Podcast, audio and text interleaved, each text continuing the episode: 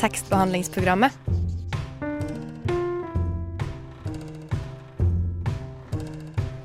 Tekstbehandling på radio.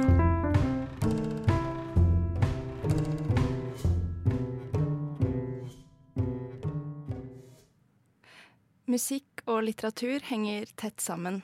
Nesten så tett at det er vanskelig å vite akkurat hvor skillet går, eller om det i det hele tatt går et klart skille. Vi er vant til å høre på musikk og snakke om gode og dårlige tekster. Vi ser musikaler, kanskje opera. Vi hører på opplesninger av bøker. Eh, Men hvis man kan snakke om musikk og litteratur som to ulike ting, så gjør musikk kanskje litteratur både forgjengelig og bestandig. Vi vet f.eks. at dramaene vi har fått overlevert fra antikken, en gang ble oppført under Dionysos-festivaler, akkompagnert av instrumenter og sannsynligvis fremført som sang.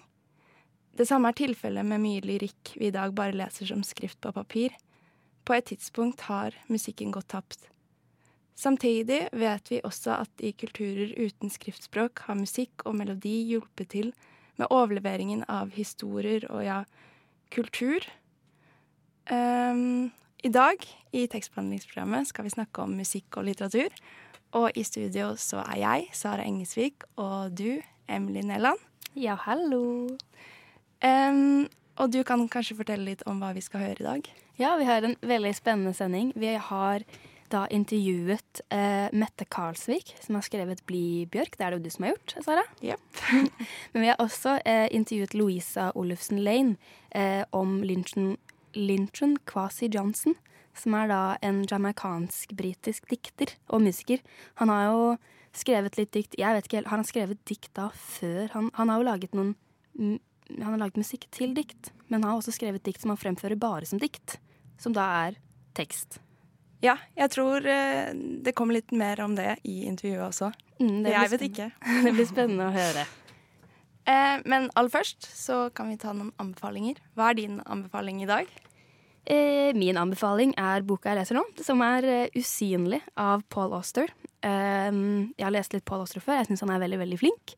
Um, men denne da 'Usynlig' den handler om uh, en ung gutt, da, eller året denne ung gutten opplever, hvor han opplever da en krimepisode, men også møter litt mystiske personer som påvirker han veldig mye. Så det handler da mye om identitet og ansvaret han tar for denne krimhandlingen som ja, Jeg skal ikke spoile altfor mye, men eh, den er jo da eh, Mange sier den er Paul Austers eh, beste bok, men eh, det må man jo lese selv for å kanskje bedømme. Eh, når var det du sa den var fra? Eller sa, sa du når den var fra? Jeg sa faktisk ikke når den var fra, men altså at året den er satt i, er 1967. Så det er på en måte det året da hvor den, hvor den tar, eh, tar plass, og denne karakteren som, som påvirker, påvirkes veldig mye av de handlingene som skjer i 1967. Vet ikke om det er så relevant akkurat når året, men det er veldig spennende. Ja, eh, jeg har eh, Jeg drev og søkte litt på arrangementer på Facebook eh, tidligere. Og da fant jeg noe jeg ikke har hørt om før, som heter altså, Scandinavian House, het den, den siden, eller det Jeg vet ikke hva man kan kalle det, men det er i hvert fall på en måte det nordiske senteret for eh, kultur i Amerika. Og de hadde noen utrolig spennende arrangementer som man kunne følge fra enten live eh, gjennom nettet, da, eller eh, se senere. Og blant annet så var det 27. oktober så var det et, en paneldebatt eller noe sånt noe, om nordiske forfattere you should know. Og senere også Swedish authors you should know. Så det tenkte jeg at eh, jeg skulle sjekke ut. Så du anbefaler før du har sjekket ut selv? Det er tøft. Ja, Sara. ja, det er kanskje en ja, tips mer enn en Ja, nei, jeg vet ikke egentlig hva man kan kalle det. Men det er spennende. Jeg har ikke hørt om dette før. Jeg tror jeg skal sjekke det ut. Ja, ja, men det er gøy når man For jeg føler jeg ofte sitter og på en måte prøver å finne arrangementer eh, på Facebook, og så vet jeg ikke helt hvor jeg skal begynne. Men ja. Tekst, tekst, tekst, tekst. tekst. Tekstbehandlingsprogrammet.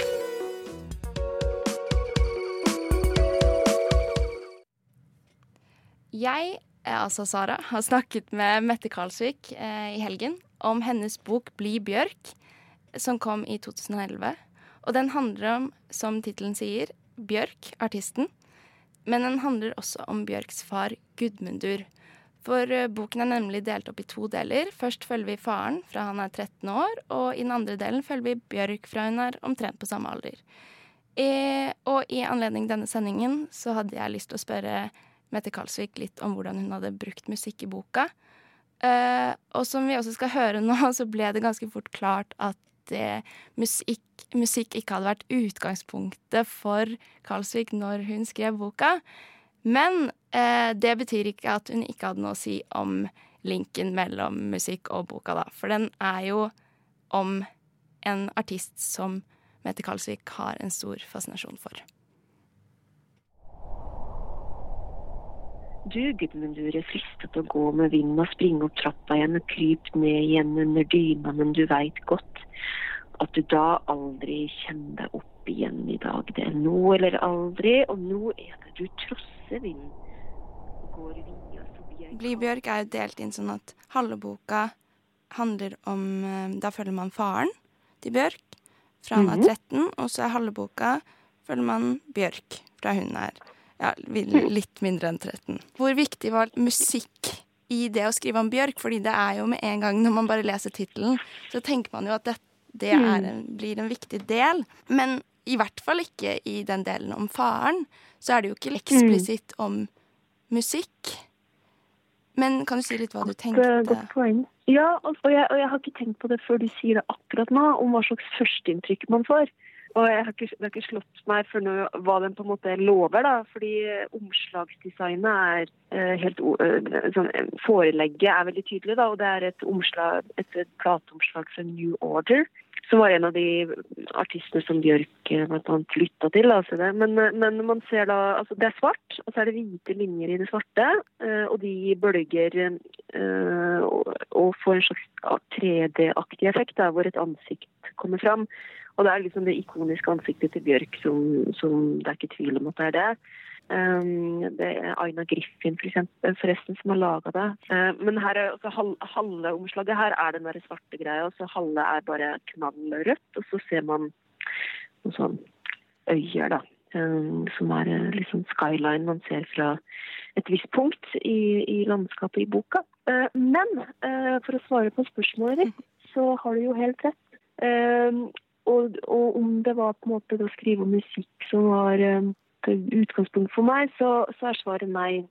Fordi jeg, jeg vil ikke meg selv så godt når jeg skriver. Eller jeg har en sånn protestantisk utgangspunkt at det skal være sånn nyttig og samfunnsnyttig, og ikke bare ja, det skal være sånn flink, da. Dessverre, kanskje, så driver jeg ikke og skriver om det jeg kanskje har mest lyst til å skrive om, men jeg ser etter de plassene hvor jeg har mest å gi, eller etter det som jeg har de beste foreleggene til å skrive levende og godt om.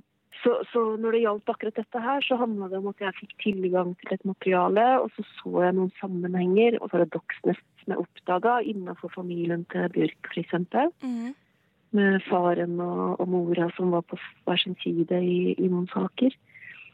Um, Blanda med at um, jeg fikk en sånn unik mulighet til å skrive den store historia, altså samfunnshistoria, historia til Island, gjennom å skrive den lille historia, altså historia til Gudmundur. Kanskje du har lyst til å lese opp um, den Nå skal jeg nå? lese Ja, skal jeg lese Skal jeg velge selv? Du kan velge helt selv. Jeg leser fra side 110.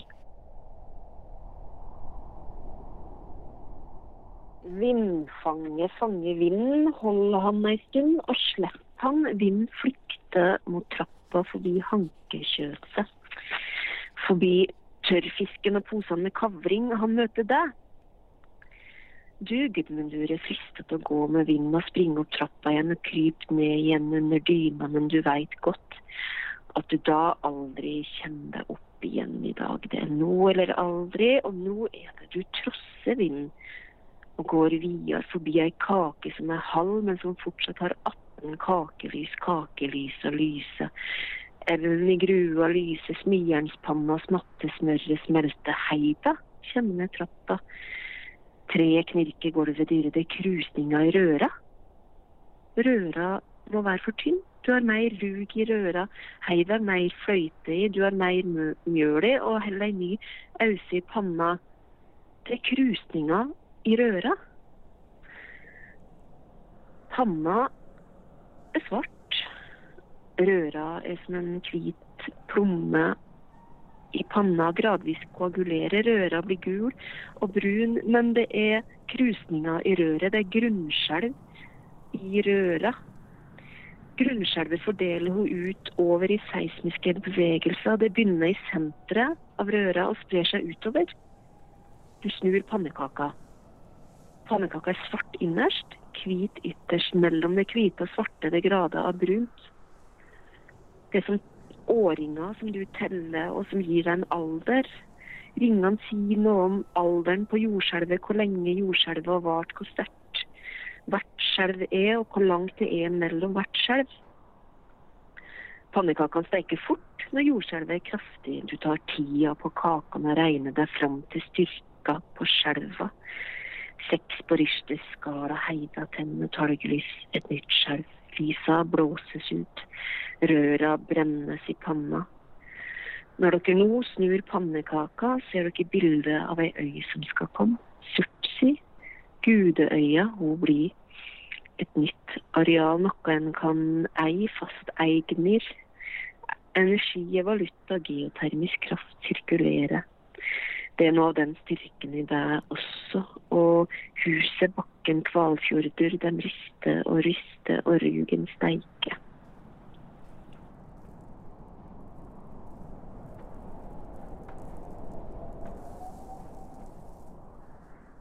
Kanskje du vil si litt noe om de der tekstene som åpner eh, romanen? Fordi den åpner jo med noen tekster eh, du har skrevet, som du har blitt inspirert av låtene på debutalbumet til Bjørg. Og så går det over til, å, til liksom, historien om faren og så Bjørk, da. Ja, det vil jeg. Siden Ja. dette programmet deres handler om musikk, Ja. så, så tenker jeg at det, vil jeg gjerne. Jeg eh, husker da jeg hørte det debutalbumet, solodebutalbumet til Bjørk første gangen, at jeg husker jeg lå på ryggen på gulvet på jenterommet mitt hjemme, og jeg tenkte at alt, alt er åpent, verden er åpen, alt er mulig, jeg kan gjøre, jeg kan, jeg kan gjøre med livet sånn som jeg ville. Og da visste jeg litt faktisk om biografien hennes. Um, jeg har jo store brødre. Um, og så, men um, litt sånn intuitivt, eller uh, uten at jeg egentlig tenkte over det da, så, så kobla jeg med en gang låtene sammen til en historie. En ganske sånn streit, uh, litt sånn streit story. Klassisk kjærlighetshistorie, egentlig, fra første an, fra anslaget på albumet. Som er en slags stemningsskapende melodi om, om uh, det uforutsigbare mennesket om følelser og på en måte en introduksjon av en hoved, av en protagonist. da. Og så går man litt sånn tilbake mm, til start, og så rulles en historie opp da, om noen som, sånn som jeg har lest den, det albumet. da, at, at her er det liksom et menneske kommer til en ny by, ensom, eller en ny bygd, tenker jeg, på Island, ser jeg for meg. Møter noen, um, en er på en fest, stikker ut en eh, øy med noen. There is more to life than this. Eh, Forelskelse, stor kjærlighet, eh, skuffelse, kjærlighetssorg. Og så en sånn litt åpen slutt som enten kan ende med altså, havet er min hjem, mitt hjem. Jeg vet ikke om det er liksom død, eller om det er at man, man drar videre på slutten der, da. Så jeg har liksom som det høres, er jeg litt sånn søkende også i hva, slags, hva slags historie er det egentlig. Men iallfall en sånn ganske, litt sånn streit møte kjærligheten, miste kjærligheten-historie. Um, og så har jeg liksom googla og leita for å finne ut hvordan har andre tolka den historien. Men jeg finner jo ikke noen tegn på at noen andre har lest en historie inn i den plata i det hele tatt. Oh, ja. Um, så for veldig tidlig i forfatterskapet mitt, etter at jeg debuterte, så snakka jeg med redaktøren min. Han er også veldig glad i Bjørk. Kanskje jeg skal bare skrive denne historien, da? Kanskje, eller kan jeg gjendikte den plata? Kan jeg, kan jeg få lov til det? spurte jeg han eh, David Aasen. Og han, han, han syntes egentlig det var veldig spennende, eh, men det stoppa ganske tidlig opp, for det begynte jo liksom med sånn rettighetsproblematikker og sånn. Men de tekstene som er i begynnelsen av boka, er litt eh, rester av den prosessen der. Også historia i den romanen har rester av den. Altså, slutten min er jo litt sånn som slutten på Altså siste sporet på den plata. Hvis jeg ikke husker feil, så er det den, er den siste, eller den nest siste låta er 'Aeroplane'. Men bare at da dette flyet det begynner å altså, snurre rundt en vulkan, da.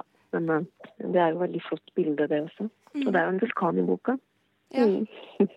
Fordi musikk er jo ikke bare eh, lyd og sang eller sånn melodi, det er jo også tekst ofte. Mm. Så at det er mm. det som kanskje har eh, ja, vært mer utgangspunktet for deg, da. Um, altså det, er den musikalske krafta som har gjort at jeg har åpna ørene mine for Bjørk. Ja. Um, når når jeg lytter til musikk, så er jeg ganske barnslig, eller vet du, intuitiv. Um, det er veldig sjelden egentlig at jeg lytter mye til tekstene, men akkurat den plata der, så var det så slående. Og, og det var så tydelig. Og så ble jeg litt overraska, for jeg har jo lytta mye til Bjørk senere, og, og også litt til Sugar Cubes før det. Og det har jo ikke slått meg som sånn veldig at, at det har vært så veldig narrativt. Men akkurat den plata var plutselig nesten som om Bjørk hadde lyst til å bare fortelle en sånn straight story, nesten som romanaktig dramaturgi der. Så det syns jeg var litt spennende til å, til å være en, sånn, en så musikalsk, et så musikalsk, musisk menneske, da. Eh, Men, men det på et fantastisk vis så er det For det er nesten litt sånn intellektuelt eller tenkt, da. Eh, Selvfølgelig, all tekst er jo det, men det er så godt Den, den musikalske krafta og trykket der i den plata er så Det er godt bevart, selv om eh, teksten er såpass på ett vis ganske sånn sober.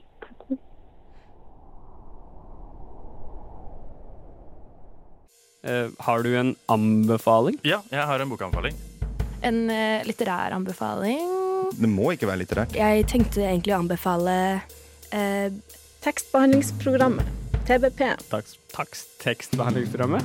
Så Tekstbehandlingsprogrammet.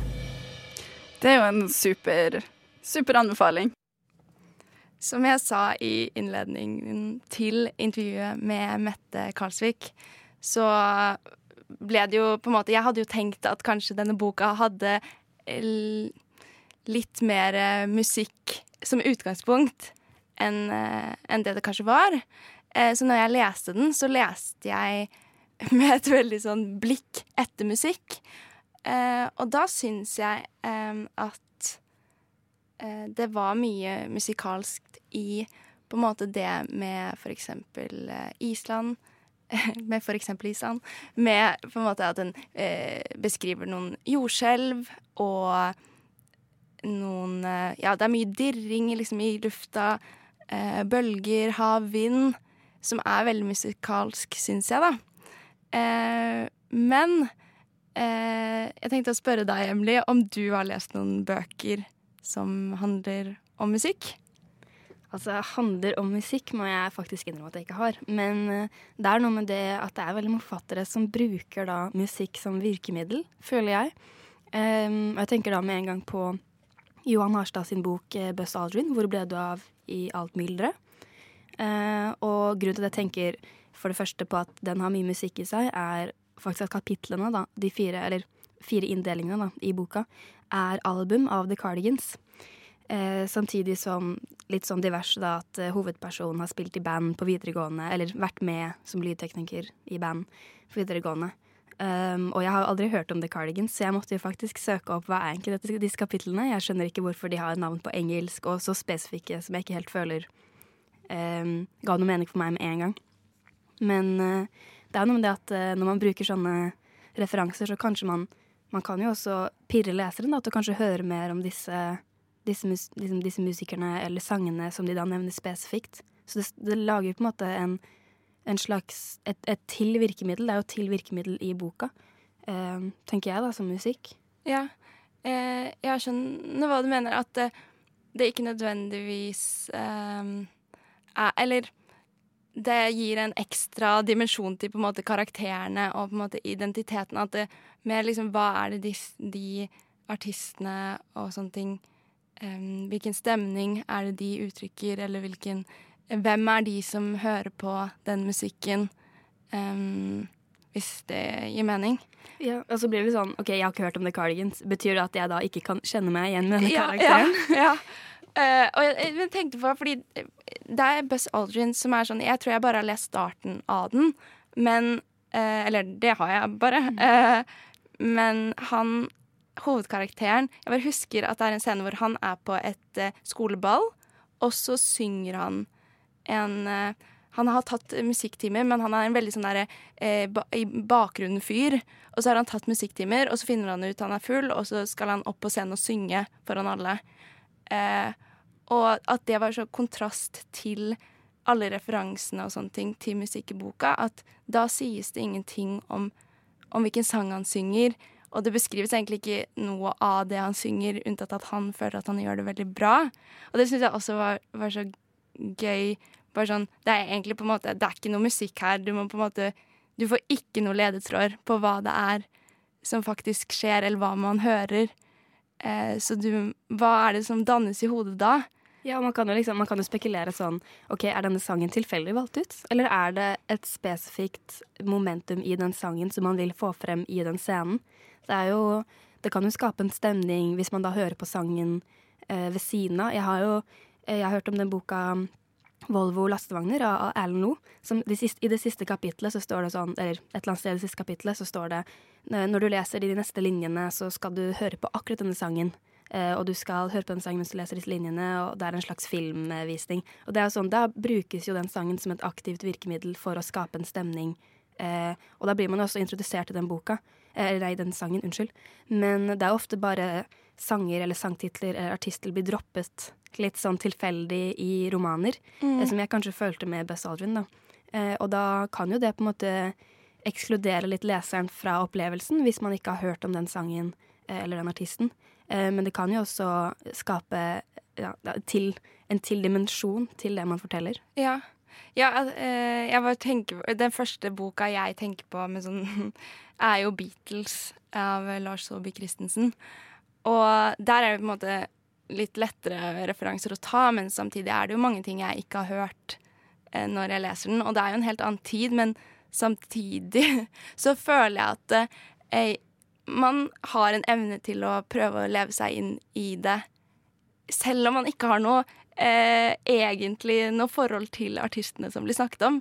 Så klarer man liksom å måte bli litt med i, mm. i det. Ja, jeg er enig, og det kan kanskje med at jeg vet ikke, Boka heter Beatles. Du, du vet på en måte hva du skal forvente ja. av den boka.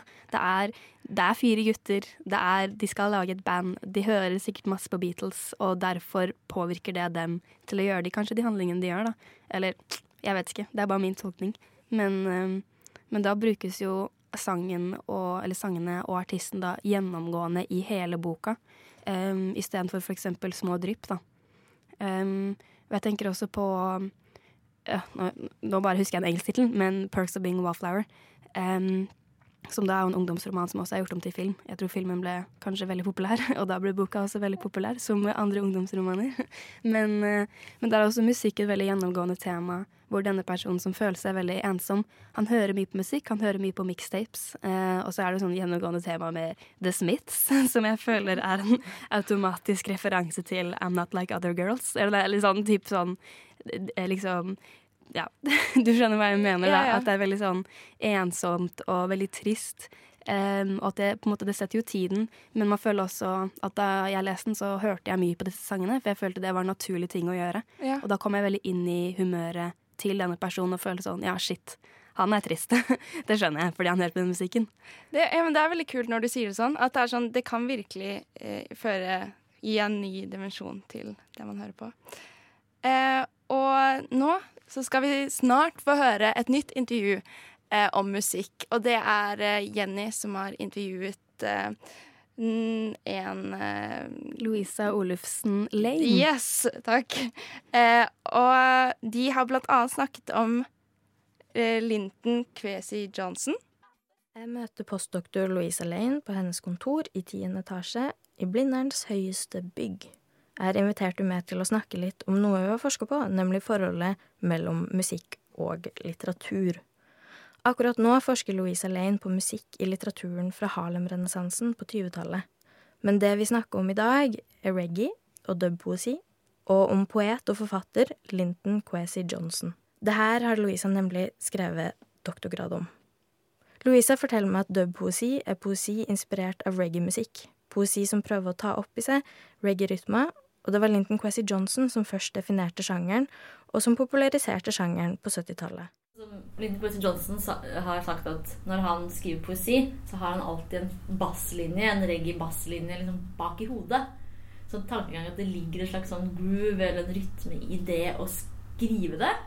Og så når han framfører det, så er sånn, det å framføre det en viktig del av det.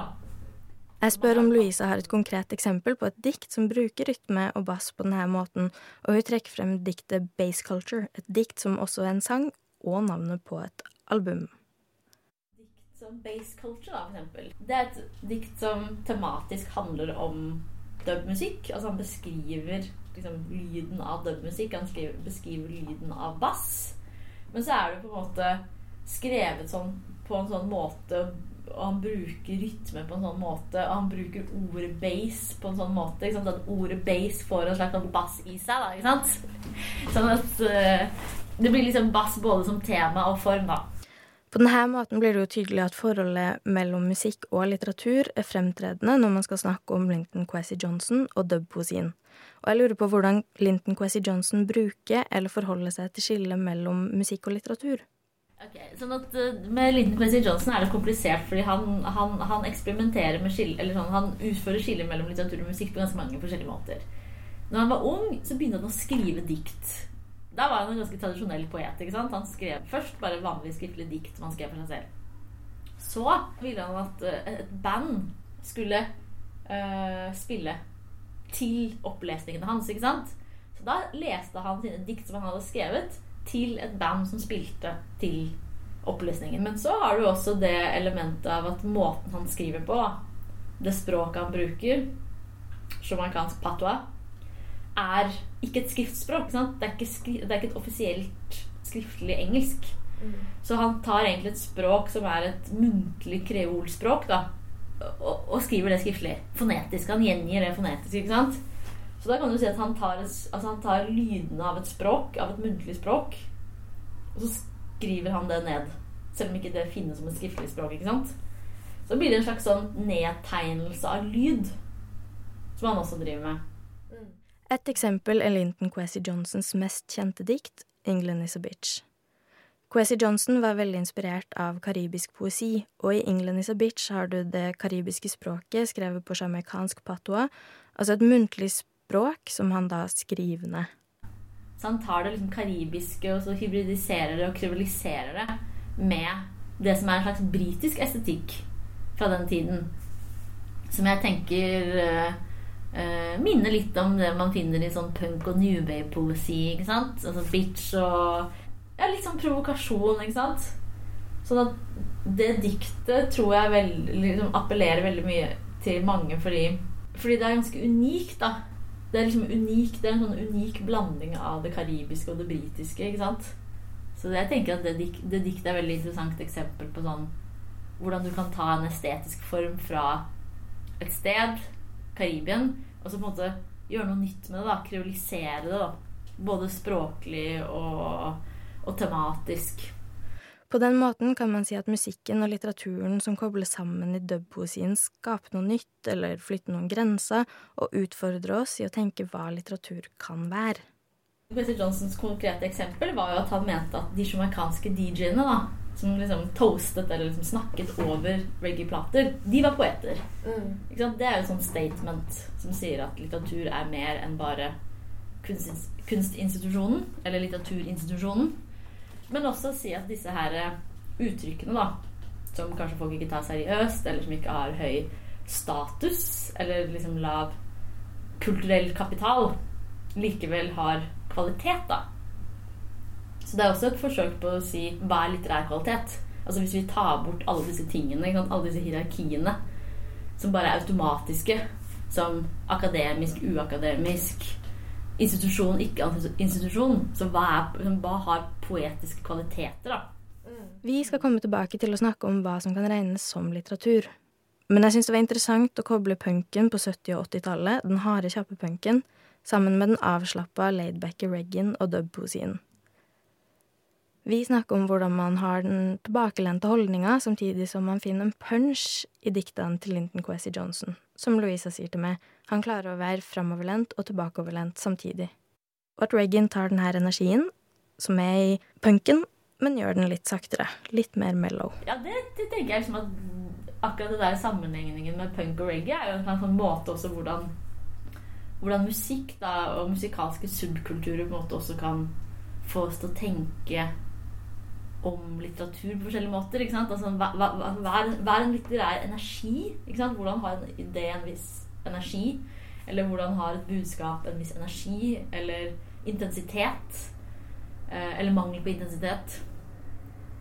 Jeg tenker at, liksom, at man kan gå til andre estetiske uttrykk også, da. Mm. For å på en måte prøve å forstå hva forskjellige typer litteratur gjør. Mm. Mm. Men det som jeg syns er interessant med med å tenke litteratur også innenfor rammen av musikk og subkultur og liksom, sant, miljøer og nettverk og sånn, det er jo at noen ganger så kan du hente liksom, teori fra andre steder enn tradisjonell teori. ikke sant? Hvis du går til reggae-kulturen, da, den produserer jo også måter å tenke på, men på en måte måter å tenke på som kommer nedenifra. I motsetning til på en måte ovenifra, ikke sant?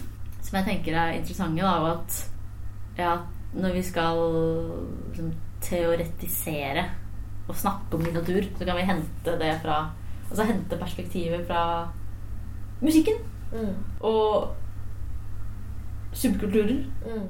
Og fellesskap. ikke sant? Et sånt begrep som jeg synes har vært interessant i forhold til å forstå for Lincoln Quincy Johnson, er jo begrepet DIY. Do it yourself. Altså, hvordan kan man forstå Reagans DIY-mentalitet og punkens DIY-mentalitet som noe som påvirker en måte å skrive dikt på, f.eks.? Det er et interessant spørsmål. Mm. Altså, du kan si ja, det å starte et band, da, uh, og liksom gjøre det selv Finnes det, altså, finnes det måter hvor forfattere gjør det, noe som ligner, eller som er likt, eller som tar utgangspunkt i samme innstilling eller filosofi? ikke sant? Jeg tror at det er paralleller der. Mm. På og at, og at de, de, skillene ikke er så absolutte. Da. De skillene mellom hva som er liksom, litteratur og tenkning om litteratur, og hva som er musikk og tenkning om litteratur. Jeg, jeg tror det flyter liksom inn i hverandre. Mm. Og det ser du jo innafor det som er på en måte vestlig kanon nå. Også, det er mange som har vært opptatt av musikk. Ikke sant? Mm. Ikke sant? Mange modernister som har vært opptatt av uh, musikken, fordi det er det der ikke-verbale språket. Og på en måte musikk som en slags sånn interessant motsetning til det språklige. Det kroppslige, det sanselige, det usigelige etc. Veldig mange har jo gått til musikken for å på en måte utvide litteraturbegrepet vårt. Og utvide de diskusjonene man har innenfor litteratur. Og inkludere andre former. Og også inkludere andre mennesker. Ved å gå utafor det litteraturen har vært som institusjon, da, ofte en ekskluderende institusjon, så blir litteraturen på en måte tilgjengelig for nye publikum. Og så finner man også litterære stemmer andre steder. ikke sant? Det handler om å tenke litteratur utenom bare litteratur som institusjon. Ikke sant? Og tenke at litteratur er noe som finnes som en integrert del av livet og av kulturen. At det finnes litteratur overalt. Det finnes, altså hvis, du går, hvis, du går, ut med vennene dine, sånn som han gjorde, og går og hører musikk som du Så er det, det er litteratur i det rommet. Det er litteratur i det fysiske. Erfaringen av å være der. Det er, uh, det er tenkning. Det er kunstfilosofi i å reflektere over hva det var, og hva det kan bli. Så det blir jo på en måte å tenke, litteratur, altså, tenke litteratur som noe som noe mer enn litteratur med stor L, som foregår i forlag, skriveskoler, institusjoner. Et sånn veldig tydelig eksempel på hvordan på måte, det skillet mellom litteratur og musikk på en måte viskes litt ut, mm. det er jo at Kendrick Lamar fikk Pulitzerprisen for musikken, men mest for liksom kvaliteten på det, på det litterære, da, ikke sant? Så at man har liksom sett på Kendrick Lamar som en litterær figur, da. Men så fins det jo mange forfattere som henter inspirasjon, og som skriver tradisjonell øh, tradisjonelle trykksaker, da.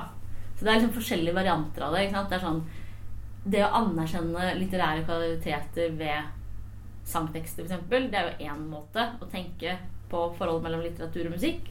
En annen ting er jo å tenke på hvordan folk som skriver relativt på en tradisjonell skriftlig måte, henter inspirasjon fra musikk. Så jeg tenker jo på en måte at det, det ligger potensial i å tenke de forbindelsene fremover også. Det er kanskje færre og færre som leser bøker. Men betyr det at det er færre og færre som er interessert i litteratur? Eller må man bare se hva er liksom den litterære interessen? Hva er liksom potensialet? Hva er det som kan få folk til å interessere seg også på bøker? Og det tror jeg handler om å få bøker til å være Altså oppleves relevant for det livet folk lever. Og det gjør man ikke ved å si at uh, litteratur er litteratur og ikke noe annet. liksom, men, men, men, å si at litteratur er noe som, som Jeg er overbevist om at de fleste mennesker har potensialet for å interessere seg for litteratur. Men jeg tror ikke alle uh, har samtaler eller blir oppmuntret til å tenke på seg selv som lesende personer. Eller som skrivepersoner. Og det er jo det som, uh, ja, som det er liksom verdt å prøve å gjøre noe med. Da, Hvordan kan man inkludere flere folk i de diskusjonene vi som forsker på litteratur, har, eller vi som har vært på studert litteraturvitenskap, ikke sant? og som har vært i den bobla der. Liksom, hvordan kan vi uh, få flere til å engasjere seg i det vi snakker om? Jeg tror, jeg tror koblingen med musikk og, og andre former da, er én måte å gjøre det på. Mm. Hallo, Chartersveien her. Jeg passer jaggu meg inn i tekstbehandlingsprogrammet også. Jeg syns at døra bør stå på gløtt. Tekstbehandlingsprogrammet holder døra oppe for alle. Lar du døra di være litt åpen Tekstbehandler Erik han har utforsket litt om det finnes noe mellom musikk og litteratur og han har da kommet fram til at episk diktning kan passe inn i her. Vi skal høre hva han har å si. Når du kommer til musikk og litteratur, er begge deler i stor grad basert på historieformidling. Den ene ved hjelp av instrumenter og sang. Den andre gjennom utbroderende skildringer. Gjerne over flere hundre sider. To svært forskjellige uttrykksformer, vil noen kanskje si. Men kanskje eksisterer det noe imellom? En tekstform som både forteller en lengre historie, slik som i skjønnlitteraturen, men som samtidig holder på en rytme, slik som i en sangtekst. Svaret? Poesi. Dikt, nærmere bestemt epos. Det er en sjanger der faste strukturer i form av rimønstre, distinkte rytmer og gjentagelser preger tekstene. Samt den grunnleggende historiefortellingen og formidlingen begge nevnte sjangre er ute etter. Ønsket om å fortelle noe har alltid vært en viktig del av menneskelig samvær.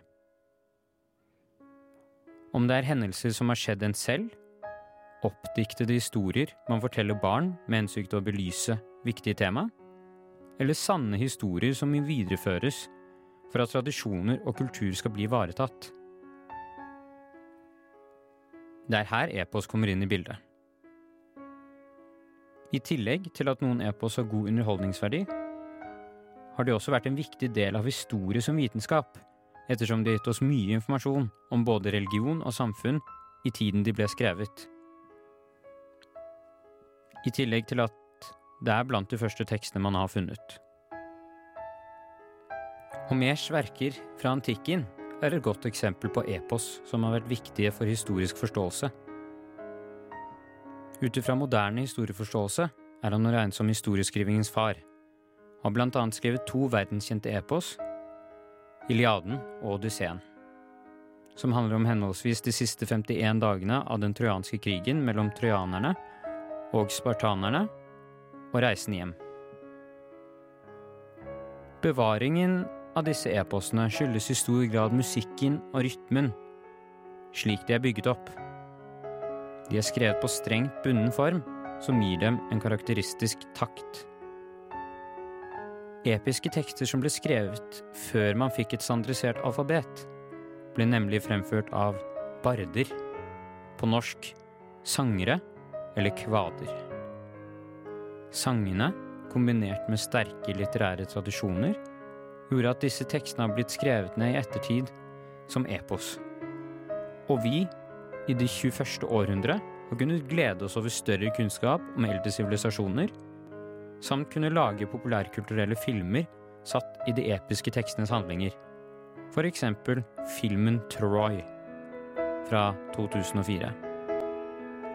I Norge kjenner vi best episk diktning gjennom norrøne kvad, skaldekvad, som i all hovedsak tar for seg historiske hendelser og ble fremført av kvader, overlevert muntlig frem til de ble skrevet ned og bevart som sagaer. I dagens samfunn har vi ikke samme behovet for epos som tidligere. Det er selvsagt enklere å bevare tekster pga. teknologi. Dermed er ikke behovet for strigent oppbygning like stort som tidligere. Epos er derfor blitt en sjanger som kan betraktes som ikke-eksisterende, men den har blitt erstattet av skjønnlitterære romaner. Men det betyr ikke at det ikke blir lest. Og det betyr heller ikke at det er umulig å skrive. Det tar bare en god del lengre tid. Men da igjen, hvem ville ikke lest Harry Potter-serien på rim? Ville du lest Harry Potter-serien på rim, Emily? Uh, ja, jeg ville kost meg, tror jeg. Det hadde blitt en utfordring både for meg og for den som har skrevet det. Har du lest mye episk eh, diktning? Nei, det har jeg ikke. Jeg har lest eh, eh, Dante Allegheris eh, Inferno. Er det episk diktning? det, nei, det er kanskje ikke en fortelling. Nei, Uansett. jeg, jeg husker bare Ja, jeg, jeg har lest litt i Iliaden og Eneiden. Eh, men eh, jeg kan ikke si at jeg forsto så mye. Eller det, tar, det krever mye å sette seg inn i. Jeg har også hørt at Neiden har veldig fint uh, bokomslag. Er det sant? Superfint. Eh, den danske utgaven, da.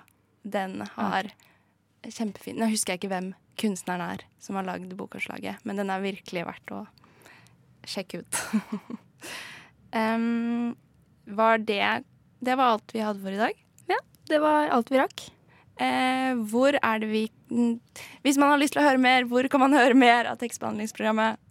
Eh, hvis man har lyst til å vite mer om oss, så kan man lese på Facebook. Vi er også på Instagram. Og, og alle tidligere sendinger ligger ute på Soundcloud, Spotify, podkast-appen. Ja, der du hører podkast, egentlig. Overalt. Overalt. Eh, da er det vel bare å si takk for i dag. Eh, og i studio så var jeg, Sara Engesvik, Emily Neland og Tekniker var Chris.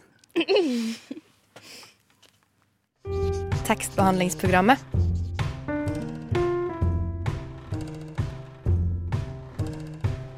Tekstbehandling på radio.